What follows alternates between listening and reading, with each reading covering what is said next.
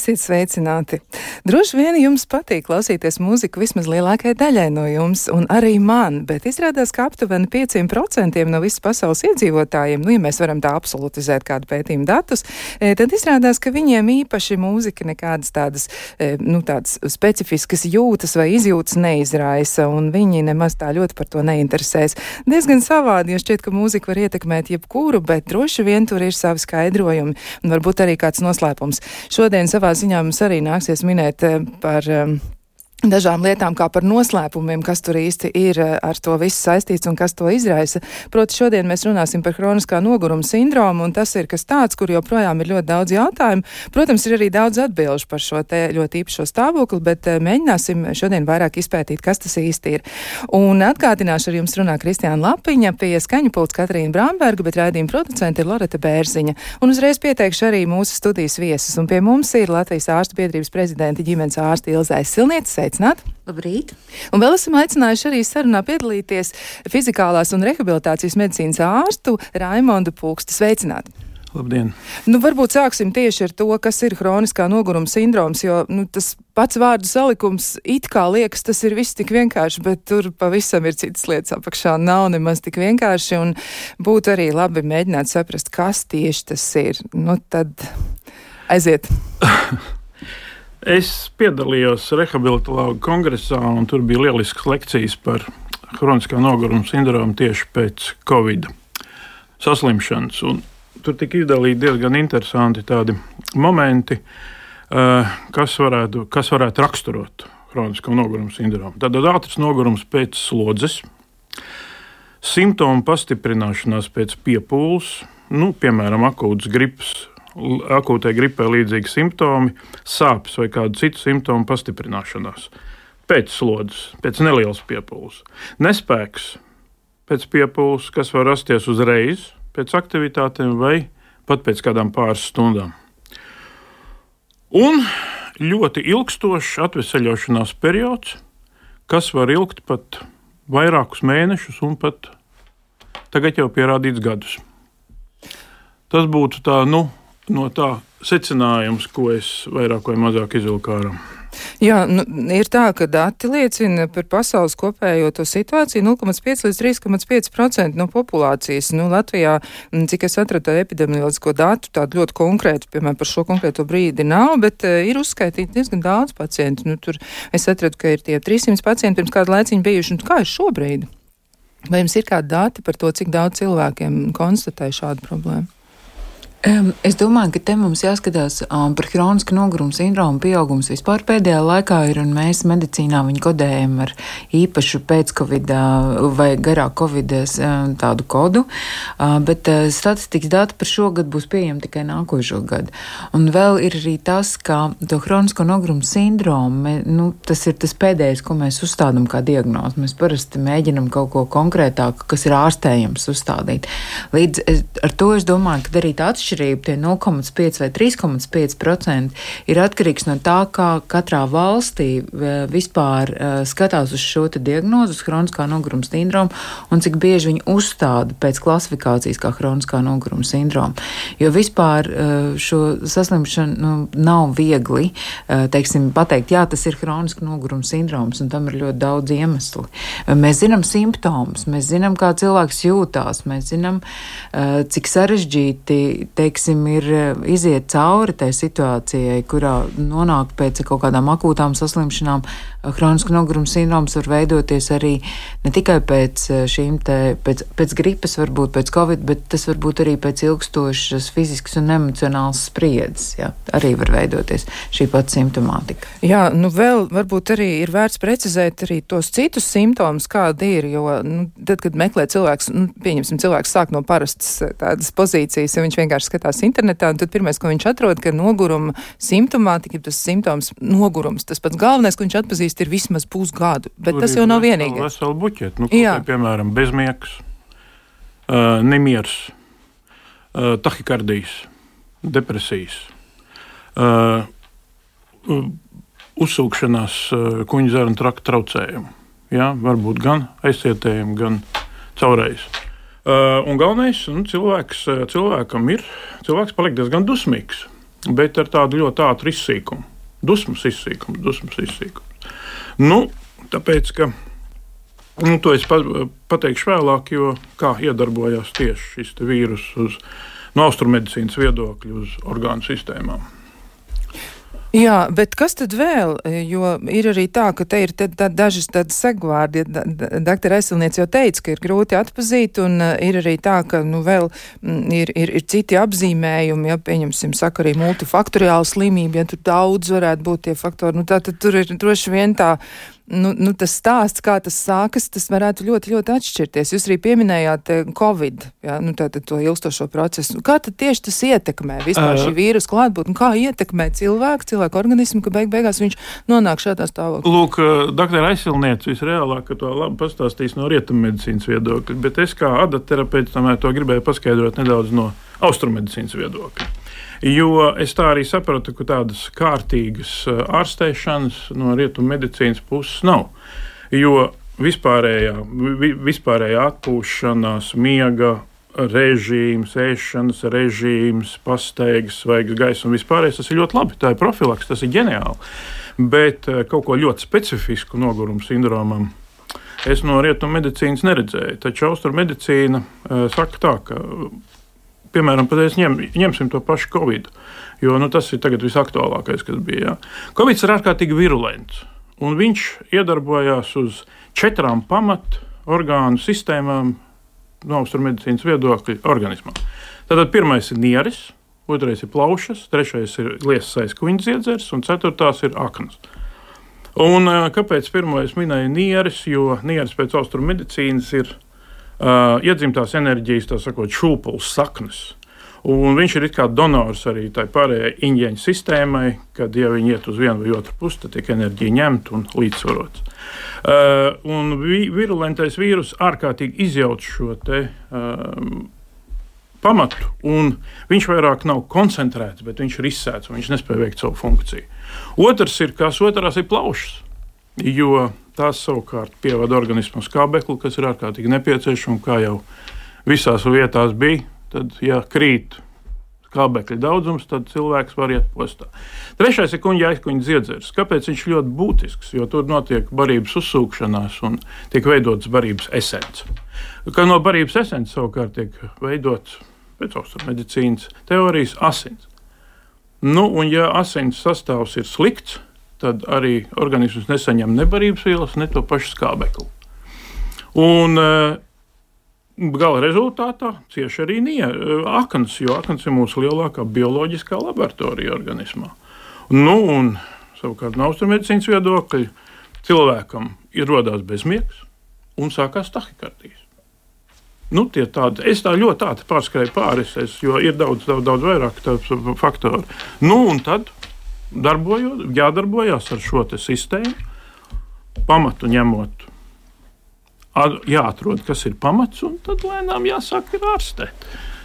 Jā, nu, varbūt mēs no tās rietumu medicīnas viedokļa arī varam paskatīties, kas tas ir, jo ir jau arī tāds eh, vēl, nu, vēl viens vārds, ja, mialģiskais encefalomielīts, piemēram, jā, un arī daudz citas tādas lietas ir saistībā ar šo te, tiešām, ka meklē daudz ko var atrast. Varbūt tomēr ir vērts precizēt, kā rietumu medicīna uz to skatās, ko tad viņi domā par rietumu kroniskā noguruma sindromu. Rietumu medicīnā ir daudz, ir dažādi tie viedokļi un arī ir dažādi pētījumi par kroniskā noguruma sindromu. Un, Un jāsaka tā, ka var arī tomēr meklēt apstiprinājumu šim kroniskā noguruma sindromam.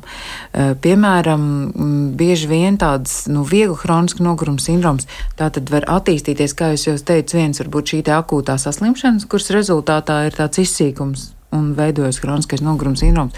Bet tā var būt arī paildze, pa, ilgstoša tāda emocionāla un uh, fiziska spriedze. Un arī nepietiekams varbūt uzturs un uh, atrašanās uh, ārā un uh, vitamīnu trūkums. Un tāds um, Vistipiskākais vitamīnu trūkums, kas rada šo kronisku nogurumu sindromu, ir vitamīns D. par ko ir ļoti daudz pētījumu, bet vai tas viņš vai strādā vai nestrādā, un tad arī tieši pētot D vitamīnu, mēs varam redzēt, kā pētījums var dizainēt un cik pareizi vai nepareizi mēs izdarām secinājumus. Bet uh, tas bija jau, nu, jau pirms astoņiem gadiem, 2000, pat vairāk, pirms deviņiem, 2015. gadā. Februārī bija liela publikācija Medscape, kas ir tāda amerikāņu platforma visiem ārstiem, tālāk izglītībai, tieši ģimenes ārstiem, kur tika lūgts pirms uzsākt antidepresantu lietošanu pacientiem pārbaudīt viņu D vitamīnu līmeni. Tas bija kā ieteikums. Uh, kaut vai tāda lieta, ja šie ja simptomi attīstās, kad mums no rīta ir grūti piecelties, vakarā aizmigt, ir tāda tā kā miegainība un tad ne pašā laikā trauksmainība. Biežāk mēs saslimstam ar akūtām saslimšanām vīrusu, mums ir kā mazinās imunitāte, ļoti vienkārši rādītājs. Paskatīties vitamīnu D un nevis tikai sekot tam, kad es lietoju, man ārsts ieteicis, lietoju vitamīnu D, bet paskatīties, kāds ir viņa līmenis, jo diemžēl uh, cilvēkiem, kuriem ir nepareizs uzturs, par ko arī doktors runāja, ja, ka dzernu traktam ir milzīga nozīme. Uh, un, ja nenotiek šī uzsūkšanās, neskatoties uz to, ka vitamīns D tiek lietots, tas nozīmē, ka tas vitamīns D būs nepietiekams organismā un būs šī vitamīna D deficīta simptomi. Uh, man ir tāda lekcija, kuras vienkārši, lai atcerētos, Kāda izskatās, kā jūtas cilvēks, kuram trūkst deficīta D vitamīns? Viņš, nu, viņš ir tā, tāds suņuks, kurš guļ, spīd saule, varētu skriet, bet viņš guļ un neko nevar vairāk. Tātad tas ir viens no tādiem rādītājiem, par ko mēs varam padomāt. Pat varbūt pajautāt savam ārstam. Uh, protams, ir arī izmaiņas, uh, tomēr mēs varam viņus meklēt asins analīzēs, šīs izmaiņas. Un izmaiņas ir saistītas ar tādiem iekaisuma rādītājiem, kā tumora nekrozes faktors, kas ir tāda analīze, ko ne tik bieži mēs skatāmies, bet ir vairāk pētījumu, kur saka, ka, ka hroniska noguruma gadījumā šis te tumora nekrozes faktors ir paaugstināts, kas liecina, ka šis te hroniskais noguruma sindroms tomēr ir saistīts ar šo te iekaisuma procesu organismā, ar tādu lēnu iekaisuma procesu un uh, kas ir raksturīgs arī pacientiem, kuriem pēc akūtām uh, saslimšanām ir šīs simptomātika attīstās. Viņiem tomēr ir izmainīti limfocīti. Limfocītu rādītāji, jeb šie limfocītu fenotipi izmainās. Un eh, šie limfocītu fenotipi arī ir tāda analīze, ko mēs tik bieži neveicam, jo, piemēram, pie mums valsts viņa apmaksā tikai noteiktām saslimšanu grupām un speciālisti var nosūtīt. Analīze arī nav tik lēta, bet viņā ir nopietnas izmaiņas.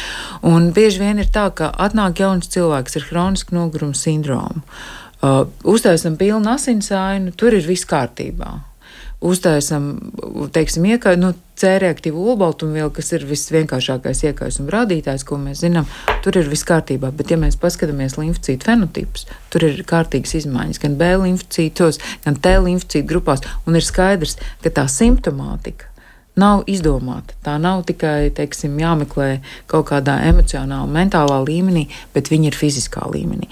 Par to, ka arī depresija pēc būtības ir iekaisuma process kā reiz šogad ir parādījušies pētījuma rezultāti, ka e, tieši šīs izmaiņas, šīs iekaisīgās izmaiņas e, arī centrālajā nervu sistēmā var būt par iemeslu tam, ka cilvēkam ne, šie neirotransmiteru izstrādāšanās ir netiep, nepietiekama visā organismā. Un uh, veidojās uh, šīs te, nu, tāds mentālais, tā, arī hronisks noguruma, simptom, uh, sim, no, noguruma sindroma simptomātika.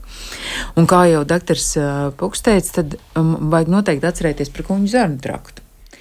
Jo, ja tur ir iekaisums, ja ir iekaisums tievajās zarnās un nepietiekami strādā aizkuņa dziedzers, viņš ir nogurs no visādiem saldumiem un vispārējā, tad mums zarnās ir viegls iekaisums. Ja zarnās ir viegls iekaisums, tad neizstrādājas serotonīns, mūsu prieka hormons.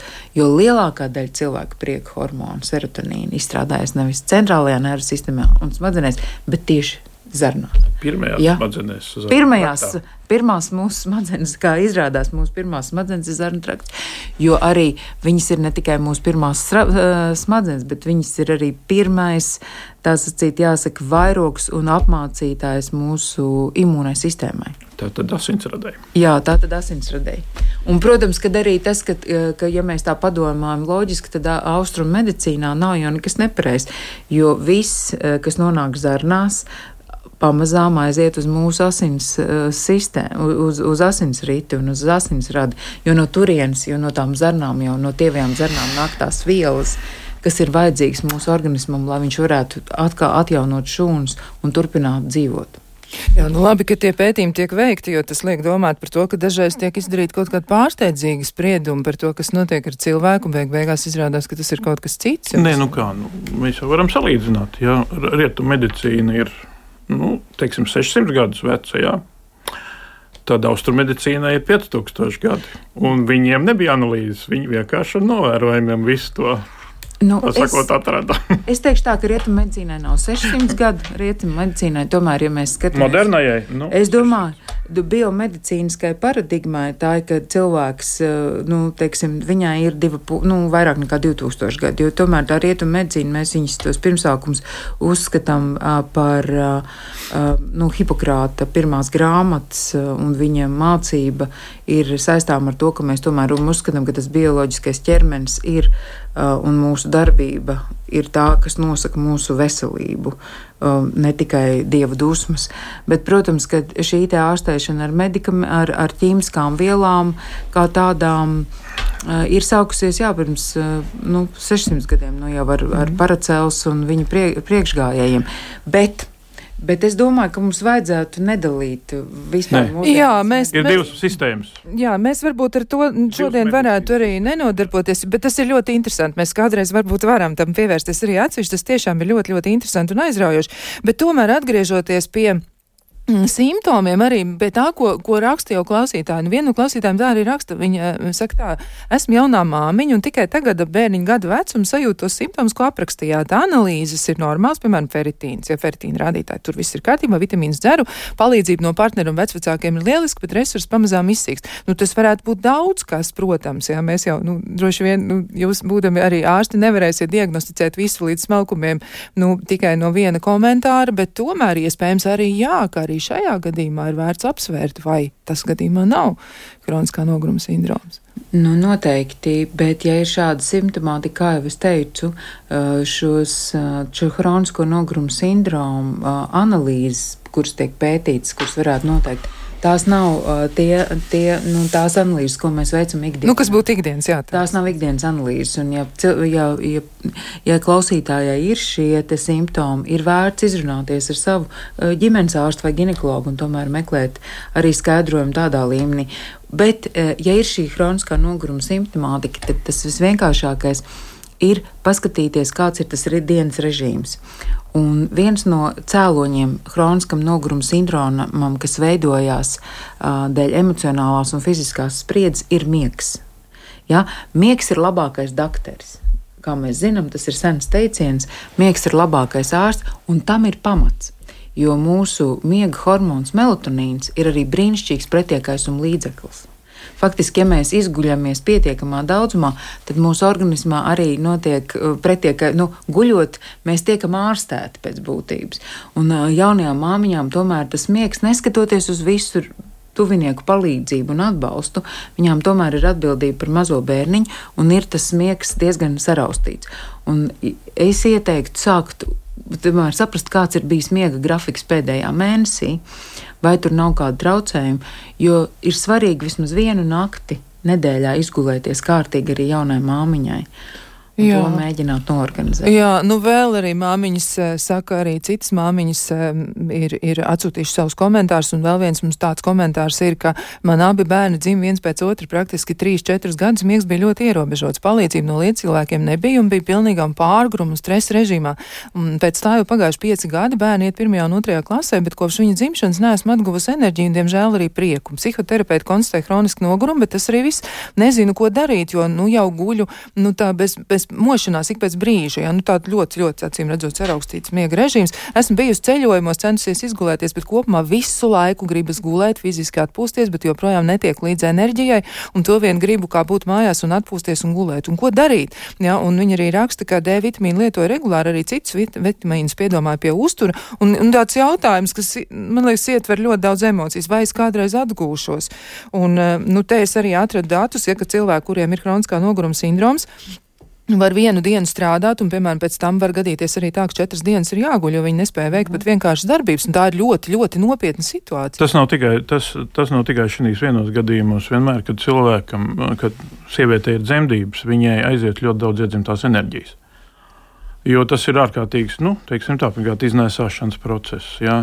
Du, du, dubultā barošana, elpošana, viss pārējais, un plus vēl dzemdības. Ja? Aiziet ļoti daudz iedzimtās enerģijas. Un iedzimta enerģija ir tieši tā, kas atbild par uh, mundrumu un vispārējo. Un, uh, ja šī tā saucamā jūaņa, jeb iedzimta enerģija netiek nokoncentrēta, un viņa visu laiku ir izsēta, nu, var ēst vitamīnus, cik es esmu ievērojis, cik gribi, nekas tur labs nebūs. Jā, bet varbūt tomēr vēl uzsveram arī simptomus, jā, jo tā tad raksturīgākais simptoms ir hronisks nogurums vismaz pusgada garumā, nav atvieglojums ar atpūtu, galvas sāpes, muskuļu sāpes, palielināt limfmeslu, locītavas sāpes, kakla sāpes, atmiņas traucējumi, miega problēmas. Kas vēl varētu būt? Fiziska slodze. Fiziska, tas, jā, jā, jā. Jā, tas, ir, tas ir tas, kad mēs, piemēram, ja, ja mēs domājam, ka tas var būt arī kaut kāds, nu, tāds kā depresivitāte, tad, ja ir fiziska slodze, parasti ir atvieglojums. Un, ja cilvēkam pēc fiziskas slodzes. Nu, mēs esam noguruši, bet tad mēs pakustamies, mēs atpūšamies, un ir tāds uh, gaismas brīdis, tāda pozitīvāka enerģija. Bet, ja pēc fiziskas slodzes ir vēl grūtāk, tad tas nozīmē, ka ir hronisks nogurums sindroms ar ļoti lielu varbūtību. Jā, nu, vēl ļoti maza slodze rada ārkārtīgi lielu, ārkārtīgi lielu nogurumu. Un ilgstošu. Jā, labi. Nu, nu, labi nav, bet nu, skaidrs tātad par šo. Jā. Nu, vēl viena lieta arī tāds jautājums ir pirms Covid, taču arī bija hroniskā noguruma sindroms, un kas tad to ierosināja? Jo nu, šis jau, nu, kā sindroms, kā, kā pētniecības tāds um, objekts, jā, nav pārāk sens, man liekas, 80. Nu, gadi pagājušā gadsimtā, ja, kad sāk runāt. Bet kas tad bija tad zināms par to, un kas ir zināms šobrīd? Nu, es jau teicu, jebkurš vīrus, jebkurš vīrus, jebkurš vīrus viņš, ja, ja ir virulents, Un, ja organisma aizsarg, aizsargspēja ir vāja, ja viņš notiek tiek iekšā, jo kur tad norisinās tā cīņa uz ādas? Ja? ja karotājs ir stiprāks, viņš iekļūst organismā. Labi, bet vēl daži vainīgie herpes vīrusu tā tad arī. Jā, viss, viss. Vīrus, nu, nu, vīrus jau par, sēž iekšā. Jā. Par herpes vīrusu pašais ir diezgan sarežģīti, jo tur ir jautājums par herpes vīrusu reaktivāciju. Tā ir vesela tēma, mm. kādēļ nu, mēs, mēs zinām, ir, ir pēdējos gados bijuši faktori, kas ir reaktivējuši herpes vīrusu, kurš būtībā droši vien, kad ir mūsu normālajā mikrobiomā. Bet, um, Ja, ne tikai, nu, mums jau ir arī tāda saslimšanas kā borelija un rikecioze, ko pārnēsā kukaiņi, un šīs ir nu, diezgan nepatīkamas saslimšanas, kuras rada hronisku nogurumu sindromu, pat ne, ne, ne, neparādoties sākotnējām akūtām simptomām. Nu, sa, aku, sa, nu, sākumā nav šī akūtā simptomātika. Cilvēks diezgan labi jūtas, un tad citiem pēc sāk manifestēties un veidojās mm. visi šie muskuļu iekaisumi. Un, Un, un, jo viņš ļoti pakāpeniski iedarbojas uz organismu. Viņas neiedarbojas strauji. Viņas neiedarbojas strauji. Un, eh, jā, un tad parādās šis tēmas. Šī, šis hroniskais noguruma sindroms arī ir, teiksim, par ko daudz pasaulē diskutēja, vai ne, ir sadalījušies arī zinātnieki. Ir tā saucamā hroniskā laimes slimība, kas nav tikai borelioza vien pati, bet tur ir vairāk mikrobi, mikrobi nu jau, un kas pārstāv, un vai viņi arī sauc pēc laimes slimības sindroms, kas arī ļoti izpau, bieži izpaužās ar hronisku nogurumu sindromu. Jā, nu tiešām nu, izklausās, ka tur ir tik daudz to iespējamo variantu, un, un acīm redzot, tad ir ļoti rūpīgi jāķers pie nu, tā. Protams, COVID, pārbaudas. COVID izdarīja lielu treknu punktu, jo Covid, tā sakot, pavēr ceļu visam pārējiem. Nu, absolūti, absolūti pat niecīgākā problēma pastiprinās. Ai, ai, ai, tas gan nav labi. Um, vēl tāds jautājums arī par hronisko nogurumu pie C hepatīta. Vai tas arī tā varētu būt? Nu, droši vien loģiski, vai ne? Tā, jā. tieši tāpat. Bioķīmiskā laboratorija. Jā, tur jau C hepatīts vēl, vēl, vēl, vēl būtiskāk, jo tās ir aknas, kuras tiek bojāts, mm. un aknām ir milzīga nozīme. Tur jau, kā Doktors teica, tur ir mūsu lielā bioķīmiskā laboratorija. Bet es gribu teikt, ka viss nav tik slikti ka, nu, ka mēs varam atgūties. Jo būtībā jau tas, cik mēs esam stipri, ir atkarīgs no mums un no mūsu vēlmes to jautājumu risināt.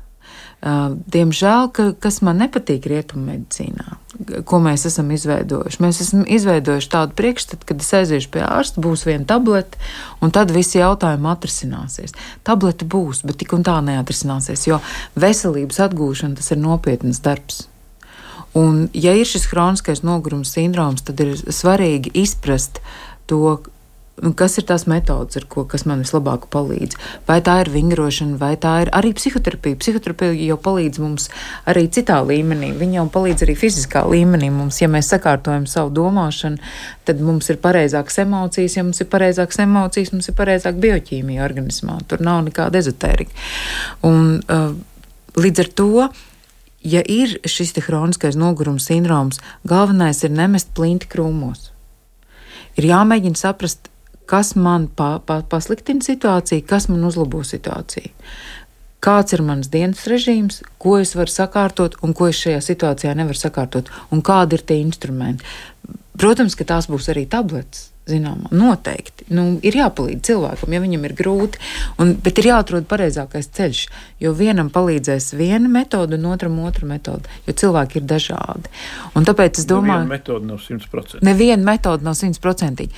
Un tāpēc uh, es domāju, ka hroniskā noguruma sindroma gadījumā vislabākā pieeja ir integratīvā pieeja un integratīvās medicīnas pieeja, uh, kura kļūst ar vien populārāka visā pasaulē.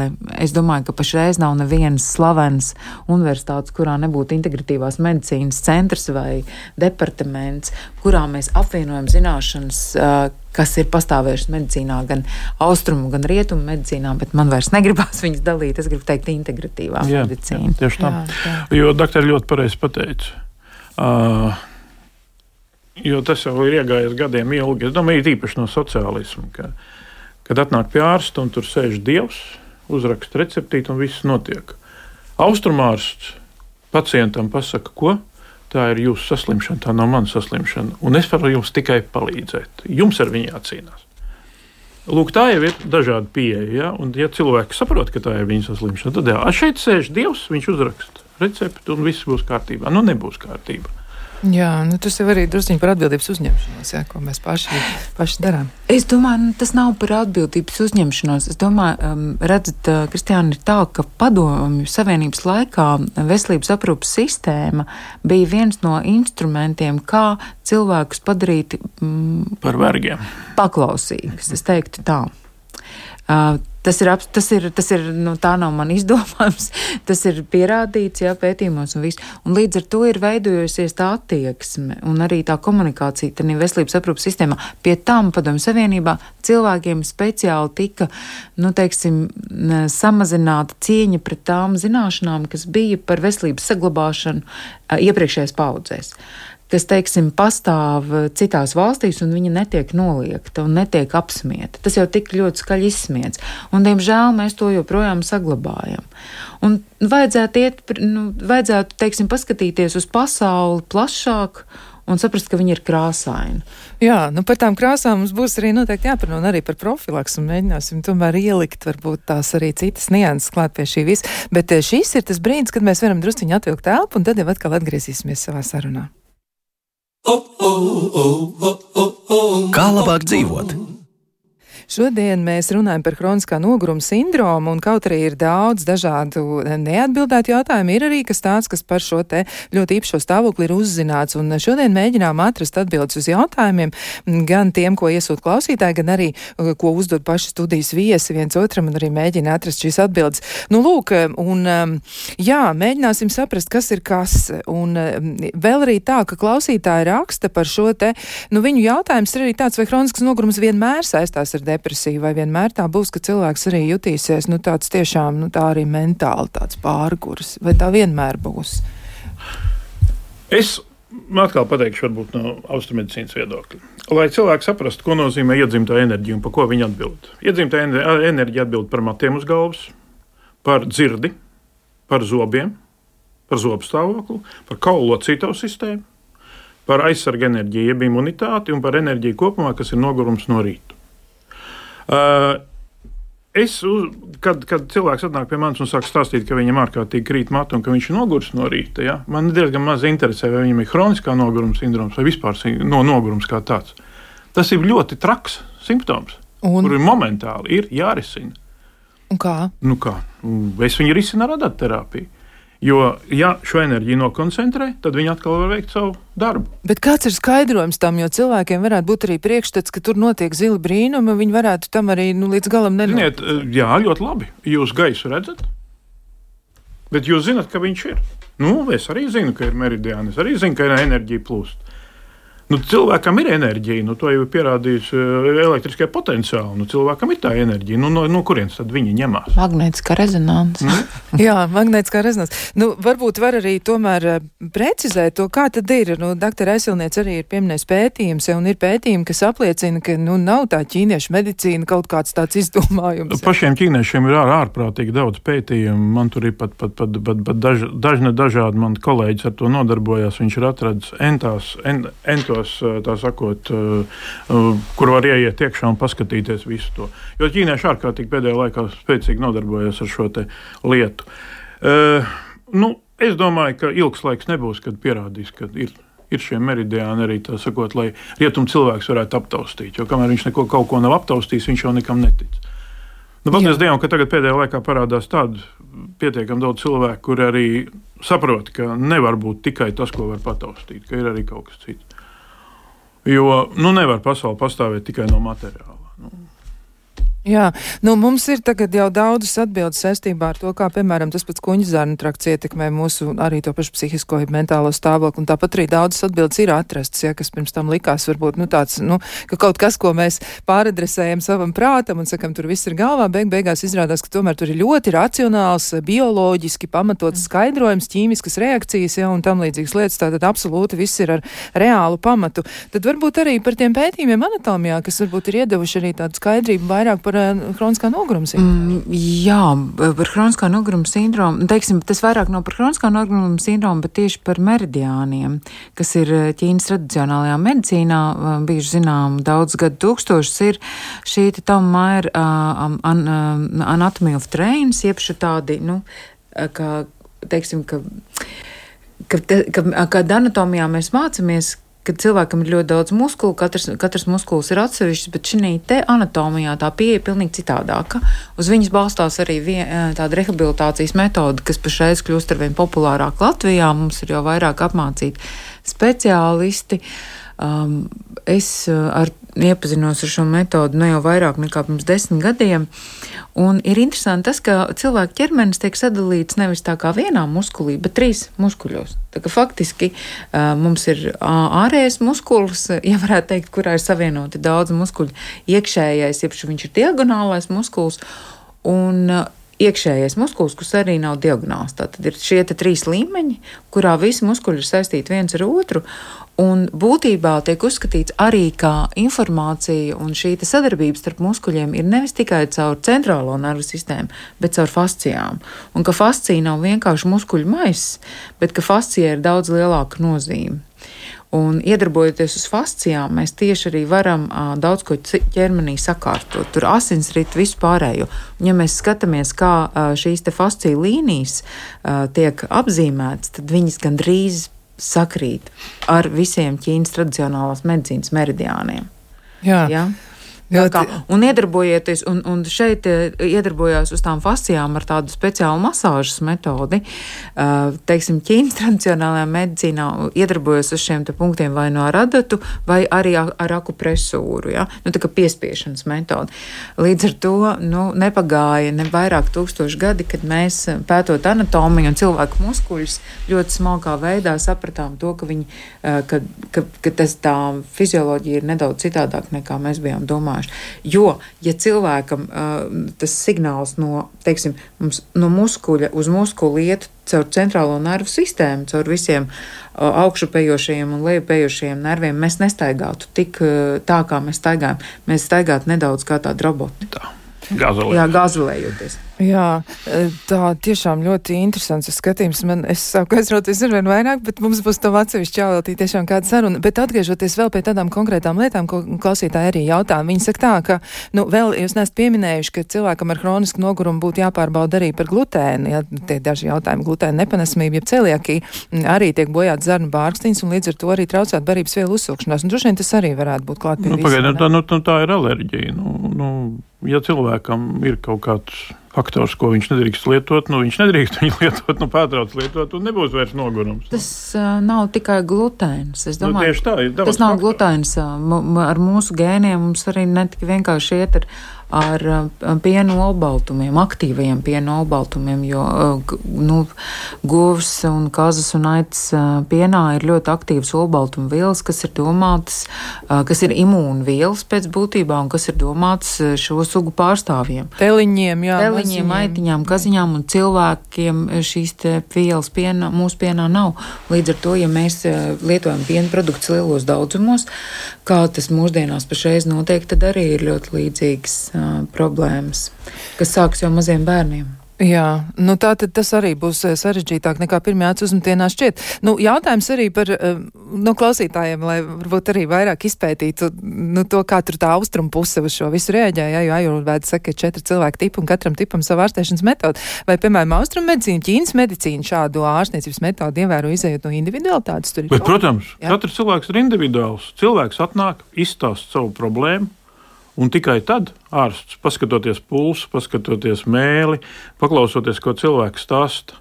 Un kāpēc pulsu un mēli? Tāpēc, ka savā laikā, 5000 gadus atpakaļ, ārsta priekšā nedrīkstēja izģērbties sievietes un augstmaņi. Un, ja viņi izģērbās, tad ārsts viņam bija galva nost, bet viņam bija arī jārastē. Tāpēc viņš, nu, tāpēc visas pieejamās vietas, kur viņš varēja tikt klāt, pulsu un mēli, tas tika, tā sakot, izstrādāts līdz pilnībai metodika, lai varētu diagnosticēt slimību. Tā tad absolūti koncentrēšanās uz individu. Jā, katrs tas... cilvēks ir individuāls. Jā. Katra cilvēka problēma ir individuāla. Bet arī Hipokrāts teica, ka ir svarīgāks, ir svarīgāks ir kādam cilvēkam ir slimība, nevis kāda slimība ir cilvēkam. Tā kā faktiski tā individuālā pieeja viņa ir arī nu, rietumu medicīnas pamatos bijusi. Hipokrāts ir klasiķis. Klasi... Mēs runājam, mēs nerunājam par moderno medicīnu. Jā, bet atgriežoties pie simptomiem, nu vēl tāds jautājums arī, ko darīt, ja gadiem mocies ar visu noliekšanu, dusmām, raudulību, neizskaidrojumām ķermeņa sāpēm un ir būts gan pie psihiatriem, psihologiem, reumatologiem un tā tālāk, bet nu izskatās, ka nekas nav īsti līdzējis. Varbūt arī šai. Akna meridiāna uzbudinājums ļoti spēcīgs. Akns atbild par tādu lietu kā dusmām, naidu, stresu. Viņš, viņš, viņš tiek uzbudināts, un tad viņas rada bezmiegus, viņas rada it īpaši pavasaros trauksmainās depresijas, rada tahikardijas. Kāpēc? Tāpēc, ka akna meridiāna dod enerģiju sirds meridiānam, un tai nabadzītai kaut kur tā enerģija ir jāliek. Nu, tā viņi skrien, un atrast, kāpēc viņi skrien, ļoti bieži nevar. Nomierina aknu, un pēkšņi neskrien vairs sirds. Un tas varētu būt arī saistīts ar to, ka dažreiz ir tas pavasara nogurums un rudens nogurums, vai tas ir tas pats, par ko mēs šodien runājam? Pavasara, nog, pavasara uh, uzbudinājums un pavasarī parasti ir troksmenās depresijas. Un tā ir stabila akna. Rudenī ir ļoti smagās depresijas. Tas saistīts ar plaušām. Tas saistīts ar jāņa enerģiju, tieši ar uh, jāņa enerģiju plaušām. Nu, tad vēl jautājums arī, vai profesionāliem sportistiem var būt kroniskā noguruma sindroms, nu, ka visu laiku ir tiešām tā diezgan, diezgan jaudīgs slodze. Nu, bet, protams, ka.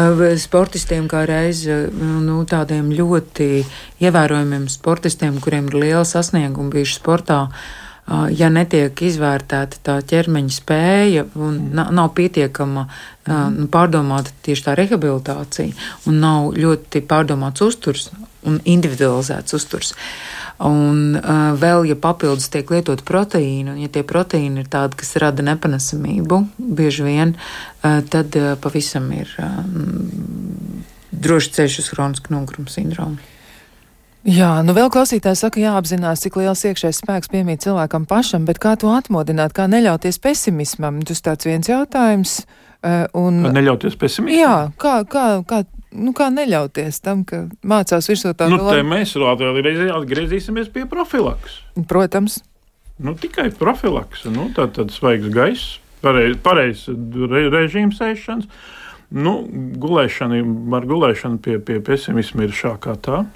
Tā kā nu, ar gulēšanu ir. Uh, gulēšana nedrīkst būt ne par ilgu, ne par, ne par jā, jā. gulēšanu. Un, bet bet gulēšana ļoti bieži tieši uh, miega traucējumi ir pie dažādām saslimšanām. Jo pareizi doktori teica, ka miegs ir tas, kurš ārstē. Ja procedūras laikā pacients var aizmigt, tas ir perfekti. Tas ir labi. Jā, vēl klausītājs saka, ēdiet, viņi tā arī raksta, mīļie, ēdiet melno šokolādi, teicams līdzeklis pret nogurumu arī tas. Nu, es teikšu tā. Aizdomīgi. Ļoti labi. Ja viņai der, tad der, bet līdz laikam. Nu, atkal katram savs. Nu, katram savs. Katram savs jau būs cilvēki, kuriem mm -hmm. būs tieši otrādi. Viņi apēdīs gabaliņu. Jā, un būs nais. ļoti, ļoti slikti. Un būs dusmīgi, un vieni un otri. Nu, uzbudinājās. Protams, jā, ka nepārstrādā tad. Jā, nu vēl tāds jautājums arī, vai kronisks nogurums nav saistīts ar samazinātu imunitāti. Nu, ir jau, jā, jūs jau tā teicāt, un es tad jau, jau galvenais rūpēties, lai imunitāte ir stipra, un varbūt arī doktori var pastāstīt, kā stiprināt imunitāti. Nu, ko vēl varētu darīt, lai uzmundrinātu sevi un tiktu galā ar šīm lietām? Es jau domāju, ka vispirms ir jāizpēta tas, nu, tas pamats, ja tas bioloģiskais pamats un jāatrod tur tās atbildes. Ja cilvēks ir kārtīgs rietum cilvēks, jā, lai viņš iet un pētu. Jā, un ko vēl var darīt? Ko katrs pats var? D vitamīns, labi, kas vēl? Iešana ārā, nu, mēģināt restaurēt vismaz vai izveidot tādu sakarīgu nu, miega režīmu. Tā pietiekamā fiziska, nu, ķermenis jau ir arī, nu, ja mēs gribam tos pozitīvos hormonus sevī de, de, tā kā iegūt kaut vai miera hormonu, kas ir gāmām no sviestkāba, kam ir milzīga nozīme arī, lai mums būtu laba imun, imūnā atbilde. Uh, un tad mums ir svarīgi, lai mūsos nav daudz stresa hormonu, jo stresa hormoni savukārt bloķē mūsu imūnās šūnas, ja, un rada arī tādu, uh, nu, hroniski iekaisuma varbūtība lielāka, tad mums ir jādomā, ka kā mēs varam savu ķermeni izmantot, jo ķermenis palīdz mums izstrādāt visus tos hormonus, tad, kad mēs kustamies. Vai tā ir intensīva kustība, vai tā ir gara un tāda, nu, piemēram, maratona skriešana, tad vispār izstrādājās visi laimes hormoni, tādas, kādas nevar iegūt nekādā ķīmiskā veidā, citādi organismā. Mums ir vienkārši jāsaprot, kur ir tā fiziskā slodze, kas cilvēkam patīk. Un tai arī nav jābūt tā kā obligāti stundai dienā. Tas var būt 20 minūtes. Uh, kaut kādu kustību, vai tā ir vingrošana, ko tu iemācies un veic mājās, vai tās ir jogas nodarbības, vai tas ir ciguns. Mums ir tik daudz, kas iespējams mūsdienās. Nu, kaut arī tāpat staigāšana. Agrāk teica, ka obligāti 10 tūkstoši soļi, tagad jau pēdējā dati, ka pietiek arī ar 3 tūkstošiem nedaudz virs, jā, lai būtu jau. Lai būtu kaut kāda enerģija. Jā, jā. Un, piemēram, meža terapija. Es nezināju, ka Latvijā, es savā laikā, kad stāstīju par meža terapiju Japānā, tas nu, jau ir pirms Fantastic, daudziem gadiem, jā. pirms, kad mēs sākām runāt par, lielu, nu, par tauku un par meža to nozīmi vispār cilvēku dzīvē un ko zaļums dod. Meža terapija ir fantastiska. Japānā ir vesels meža terapijas biedrība. Ne tikai Japānā, ārstiem. Visu, visur austrumos ir kaut vai, kaut vai mm, skatu terapija. Jā, jā skatu dabas, vienkārši dabas skatu terapija. Kad tu skaties dabā. Jā. Ja slimnīca ir, ja slimnīcas slogi ir uz mežu vai uz parku, cilvēki ātrāk izvesaļojas. Tas ir pētījums Ņujorkā. Jā, nu, tomēr būs, būs jau jāiet ārā, būs kaut kas jādara. Tā jau gluži iekšā mēs tiešām laikam skatoties uz to savu mazo stūrīti, pelēko neatvesaļosimies, tie skati varētu palīdzēt. Bet vēl tāds jautājums arī par to, mm, kā tad ir ar to nakti, nakts miegu. Katru nakti mostos ap diviem, par ko tas liecina. Un arī vēl viens jautājums ir, e, vairākas reizes naktī mostos, jau viena no klausītājiem raksta, vai tas jau norāda, ka hroniskais nogurums ir tuvu. Aknu meridiāna uzbudināmība ir no vieniem līdz trijiem naktī. Ja cilvēks mozatās divos, tad lai viņš savā darbā beidz stresot, un tad mierīgi varēs izgulēties. Es pavisam nopietni. Viegli pateikt, lai beidz. Nē, nu jā, nu, viegli pateikt, bet nu, grūti izdarīt. bet, ar, bet atkal ir jāsaprot par to darbu stresu. Mums ir vēl viena tāda lieta, kas mūsu tautai ir raksturīga, ka mēs mēģinam ciest. Mēs ciešam līdz pēdējiem un turamies, un tad, nu, ka vairs nevaram izturēt, tad, tad kaut kas notiek. Bet, ja darbā ir stress, tad ir, nu, mēs varam pirmkārt saprast, kāpēc tas stress mums ir. Nu, tās ir lietas, kas ir, ko vajag kā, mēģināt arī darba kolektīvā risināt. Uh, mēs mēdzam sūdzēties un uh, dzīvot platformā viss slikti.lv, bet varbūt, ka vajag tomēr iet un risināt. Jā, nu, vēl tāds jautājums arī no klausītājiem ir cilvēki pesimisti un optimisti. Jā? Nu, tā kā, vai tā ir iedzimtība, vai to var dzīves laikā mainīt, kļūt no pesimista? Tomēr tā ir iedzimtība. Kā mēs dzīves laikā, nu, es gan neesmu redzējis nevienu, kurš varētu to mainīt, bet nu, katrā ziņā ierobežot. Nu, cilvēkam ir dota dzīve, kuru viņš dzīvo.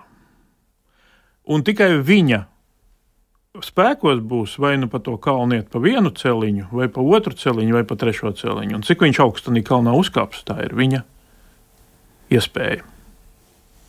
Un neviens cits viņa vietā to neizdarīs. Ja kāds domā, ka kāds cits to izdarīs, nu, neizdarīs. Līdzatkarīgai varbūt kādu brīdi to dara alkoholiķiem un, un narkomāniem. Bet, bet arī varbūt nodara vairāk ļaunumu ar savu līdzatkarību. Jā, nodara sev un apkārtējiem vairāk ļaunumu tieši tā. Jo nu, ir jāsaprot to, ka, m, lai cik tev arī grūti, um, un arī ja ir kādas veselības problēmas, ir jāiet prom no tās idejas, ka atnāks kāds uh, gudrais un pateiks tev, ko izdarīt, un tad būs viens risinājums.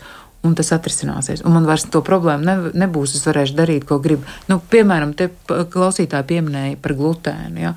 Nu, ka būs kaut kāds brīnums, es to glutēnu nepanāšu, bet tad man iedos kaut kādu brīnumu zāli, un es visu varēšu dzīvot. Varēšu. Nu, tā nebūs. Tad varbūt, ja tu kādu laiku turēsies, ja tu sekos visam, tu varēsi aizbraukt uz Itāliju, apēst picu, lai tu justos tur kā Itālijā. Bet, ja tu to darīsi katru dienu, nu, visas tās problēmas atgriezīsies. Līdz ar to ir jāpieņem to, ka mans ķermenis ar šo tiek galā, ar šo netiek galā, un es par to nesatraucos, ka nu, es nevaru atļauties to, ko varbūt citi var. Bet, ja es sekoju tiem ieteikumiem, es esmu vesels un priecīgs, un es varu braukt un pieredzēt. Un būt un, un darīt. Un man ir pozitīvisms, un man ir labs miegs, un es varu sasniegt vairāk. Vai nu nē, es tomēr gribu kā visi. Un, Austrum, tāds... austrum paruna ir ļoti laba. Neviens nav tik vecs vai tik slims, lai neuzsāktu kaut ko jaunu. Jā. Ai, cik tie ir uzmundrinoši vārdi. Tie ir tiešām ļoti tāda laba, laba, laba lieta, ko jūs pateicāt. Jo arī, eh, nu, klausītājs saka, ka, diemžēl, vecumā pēc 60 jūt, ka nogurstu ātrāk, mazāk var padarīt domāšanu, darbības kļūst lēnāks, bet ir jāstrādā un kā sev palīdzēt, jā, nu, turpinot šo visu, ko jūs sakāt. Darbs ir tas, kurš cilvēku uztur ļoti bieži pie nu, aktivitātes un pietiekami labas veselības. Jā, bet vecum... tikko cilvēks beidz darbu, tā paskatieties, kā viņš lēnām sabrūk. Ja viņam nav fantastisks hobijs, ar ko viņš ir aizrāvies un ko viņš turpina. Nu, jā. Ir jau arī tas uh, sakāmais, ka, ja cilvēka dzīvē ir nodoms, viņš dzīvo. Un, ja nodomu nav, tad Nav jēga. Nav dzīves. Tad pazūd jēga. Jā. Nu, vēl tāds jautājums, vai vecuma bezmiegs arī ir saistīts ar kronisko nogurumu? Vecuma bezmiegs saistīts ar to, ka tā iedzimta enerģija ir stipri pazudusi. Ai, ai, ai. Nu, tad to iedzimto enerģiju nu, tiešām jāmēģina atrast. Nu, nu kā, nu, viņi ir dot cilvēkam uz visu dzīvi, un tad, kad viņi beidzās, cilvēks tiekās ar radītāju. Lai cik tas arī skarbi nebūtu, bet tā tas ir. Jā, šodien mums kaut kā izdevās apvienot to austrumu skatījumu ar rietumu, e, nu, tādu fokusu, ja, kas ir medicīna. Un, un izskatās, ka jūs abi esat ļoti informēti gan, gan par vienu, gan par otru un spējat to ļoti, ļoti integratīvi, ārkārtīgi vērtīgā veidā lietot. Tas ir apbrīnojami, kā, tā, kā tās pasaules satiekas, jo pasauli jau tur laikam jau viena un tāpat. Bet e, klausītāji, nu, pats pēdējais jautājums vairs mums vienkārši nav iespēja atbildēt, bet par ko liecina regulāri mūri un slikti sapņu miegā? Par gremošanu. Uh, jā, par gremošanu, un otrs arī ir tomēr bailes, ir, uh, ir nieru, uh, nieru šitā te izpausme. Jā. Un slikti sapņi, un, un tomēr varbūt vairāk saistīti ar, arī ar šādu lietu. Skaidrs. Nu, tad jāmēģina izpētīt. Nu, ko šodien mēs paraudzījāmies kroniskā noguruma virzienā. Droši vien, ka vēl mums būs par to jāparunā, jo klausītāji ir ļoti interesēti un arī es pat ļoti aizrāvos ar šo. Tiešām milzīgs paldies studijas viesiem, gan Latvijas ārstu biedrības prezidentē ģimenes ārstei Ilzē aizsilniecei, gan arī fizikālās un rehabilitācijas medicīnas ārstam Raimondam Pūkstam. Paldies arī klausītājiem par jūsu ieinteresētību, par jūsu iesaistīšanos un arī visa gada garumā, jāsaka tā. Rīt, rīt mēs ar Elu aprunāsimies par to, kā mums iepriekš ir gājis un ko mēs esam piedzīvojuši kopā ar klausītājiem, kopā mm, ar visiem, eh, kas ir bijuši kopā ar mums, gan tā tieši, gan arī attālināti, un arī ar studijas viesiem, protams. Bet eh, klausītājiem varam novēlēt to, ko raksta viena no klausītājām mums šeit. Uh, Ejiet ārā, staigājiet pa mežu, esiet labā garstāvoklī, esiet pozitīvi, nekāds nogurums jūs nenoķers. Un vēl arī aicinājums turpināt runāt par šīm lietām. Vērtīgs raidījums, paldies un visiem laimīgu, veselīgu jauno gadu. To mēs arī novēlam no savas puses. Un tad jau atkal uz tikšanos kādā citā reizē.